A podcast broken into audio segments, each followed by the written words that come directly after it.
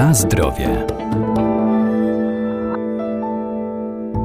Zdrowy styl życia to także dieta, czyli nasze codzienne odżywianie. Najlepiej żywienie rozłożyć na kilka porcji w ciągu doby i spożywać je regularnie, a przygotowując posiłki, warto zwracać uwagę na ich kaloryczność.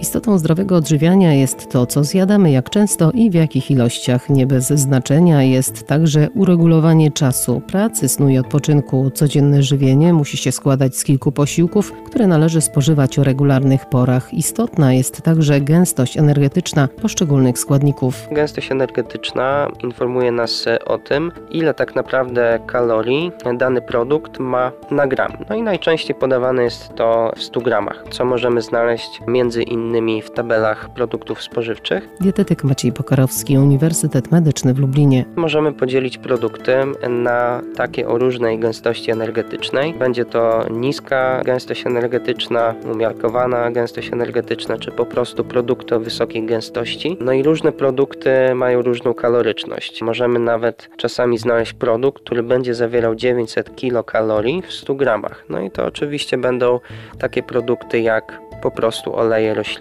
Natomiast tak jak wiemy też nie jesteśmy w stanie ogromnej e, ilości olejów spożywać w ciągu dnia.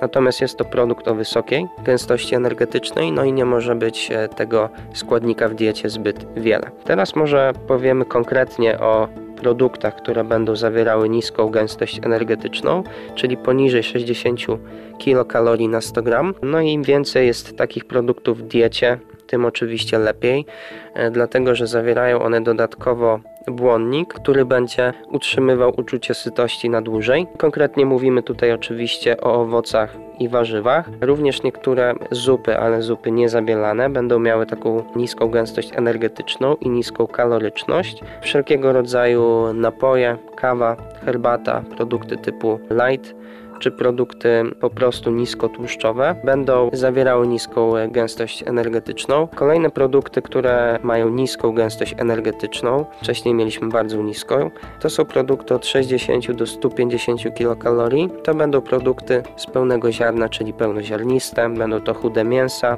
będą to nasiona roślin strączkowych, będzie to nabiał. Na zdrowie.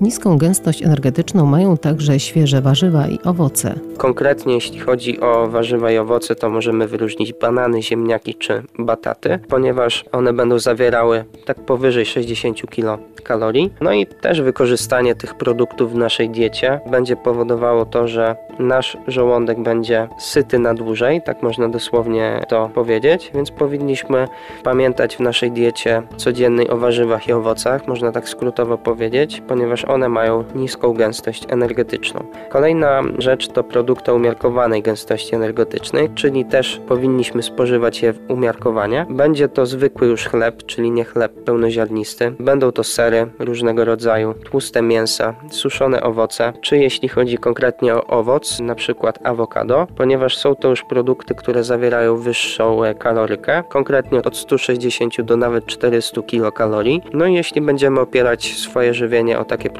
no to niestety może w pewnym odstępie czasu pojawić się problem z nadwagą. No i już jedna z wyższych kategorii, bo od 400 do 900 kilokalorii produkty, czyli te o wysokiej gęstości energetycznej, no to mamy już po prostu produkty typu fast food można powiedzieć, czyli wszelkiego rodzaju chipsy. Będą tutaj też e, słodycze, ciastka, też uważane za zdrowe nasiona i orzechy, między innymi masło orzechowe, majonez i oleje. No i tutaj w kontekście oczywiście orzechów, tak jak one zawierają zdrowe tłuszcze, więc e, powinny się one znajdować w naszej diecie, ale musimy pamiętać, że nie możemy też spożywać ich bez ograniczeń, ponieważ mają one bardzo dużo kaloryczność.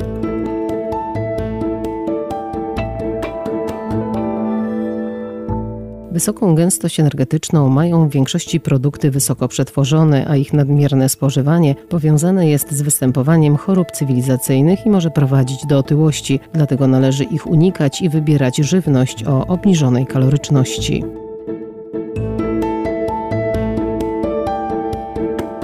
Na zdrowie.